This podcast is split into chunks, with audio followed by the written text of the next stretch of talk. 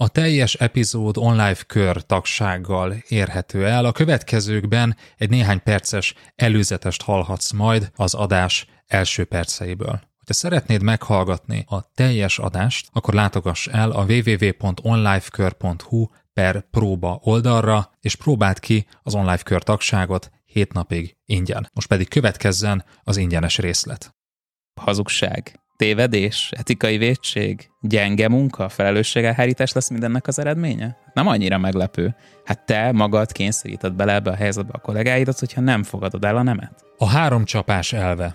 Delegálás és visszajelzés. Üdvözöllek, ez az Online Management Podcast, én Ungvári Péter vagyok, és a mai adásban arról beszélgetünk üzlettársammal Berze Mártonnal, hogy mi a helyzet, ha egy csapattagunk rendszeresen visszautasítja a delegálási kéréseinket, a feladatkiadási kéréseinket, vagy nem ad engedélyt arra, hogy visszajelzést adjunk neki. Hogyan kezeljük ezt a helyzetet, mit jelent a három csapás elve. Tarts velünk!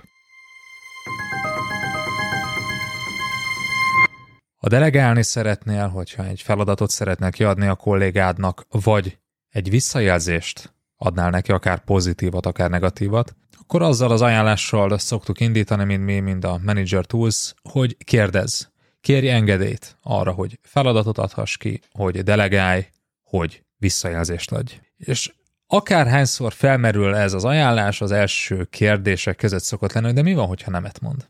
Mi van akkor, hogyha nemet mond, és ilyenkor általában el szoktuk mondani, hogy milyen haszna van annak, hogyha nemet mond a kolléga, és te ezt jól tudod kezelni. Az szokott lenni az ajánlásunk, hogy ezt fogadd el.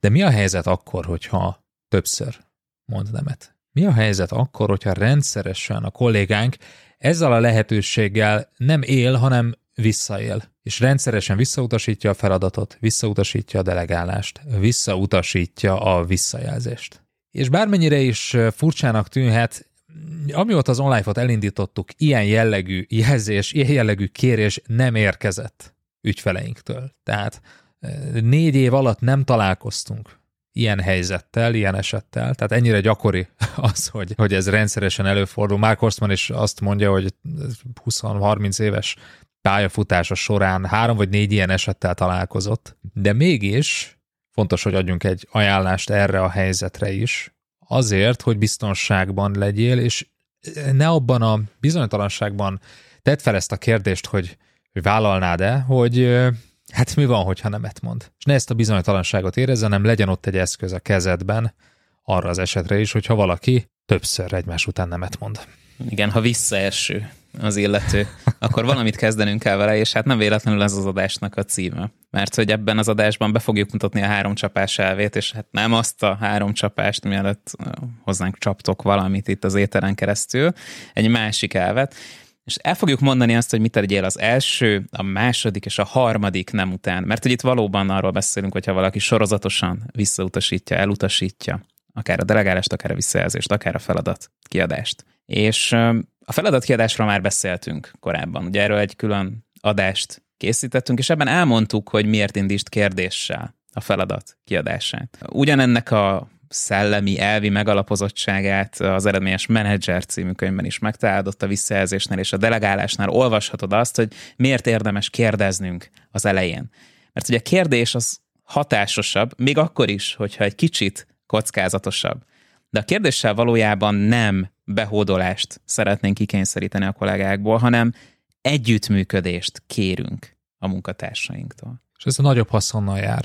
Ezt magunkon is észrevehetjük, hogyha valaki felkínálja annak a lehetőségét, hogy visszautasítsuk őt, hogyha nekünk kell beleegyezni abba, hogy egy feladatot elvégezzünk, akkor nagyobb az elköteleződési szintünk. Ráadásul egy csomó kellemetlen helyzettől menthetjük meg magunkat, hiszen rögtön az elején találkozunk azokkal a kifogásokkal, amik egyébként is felmerülnének. Amik egyébként is csökkentenék mind a motivációt, mind hát olyan objektív tények is felmerülhetnek, mint hogy hát figyelj, jó, jó, szívesen maradnék bent, csak csak a feleségem leharapja a fejem, úgyhogy nem tudok benn maradni. Szóval ahelyett, hogy a kollégánknak kibúvókat kellene keresnie, meg utolsón a beteget jelentenie, és elrejteni a valódi okot, amit, amit mi kényszerítettünk ki, hiszen nem kérdeztünk rá, ehelyett őszinte lehet. Ettől még a kockázat fennáll. Tehát valóban ott van a kockázat, mi van, hogyha a kolléga nemet mond, és az a helyzet, hogy annál inkább félünk ettől a helyzettől, minél gyengébb a kapcsolatunk. Tehát minél erősebben érezzük, hogy a, a pozícióból fakadó hatalmunkra kell támaszkodnunk, annál furcsább kérnünk kollégától. És annál nagyobb a valószínűsége annak, vagy az esélye annak, hogy nemet mond nekünk, amikor feltesszük ezt a kérdést. Még így is nagyon kicsi ez az esély. Tehát amit itt az elején idézted a Horsemannek az idevágó tapasztalatait, hogy három-négy eset, 30 évet, oké, okay, tehát 10 év alatt mondjuk találkozik egy ilyen esettel egy ember, aki 24 ben ezzel a témával foglalkozik, és hozzá is ebben a témában fordulnak segítségért menedzserek, vállalatvezetők, és miután még mindig rendkívül kicsi az esély, még mindig bőven megéri ezt a kockázatot vállalni, mert hogy a várható nyerességünk az sokkal-sokkal magasabb lesz. Tehát egy minimális kockázatot érdemes bevállalni annak érdekében, hogy egy magasabb energiaszintet és ne ostoba kifogásokat, vagy egy nagyon rossz minőségben az utolsó pillanatban leadott anyagot kapjunk tőle. Eddig tartott a podcast ingyenesen elérhető része. Hogyha szeretnéd meghallgatni a folytatást és további több száz vezetői tananyagot a hozzájuk tartozó írásos jegyzetekkel együtt, akkor látogass el a www.onlifekör.hu per próba oldalra, ahol az első hét napban ingyenesen teheted meg mindezt. www.onlifekör.hu per próba.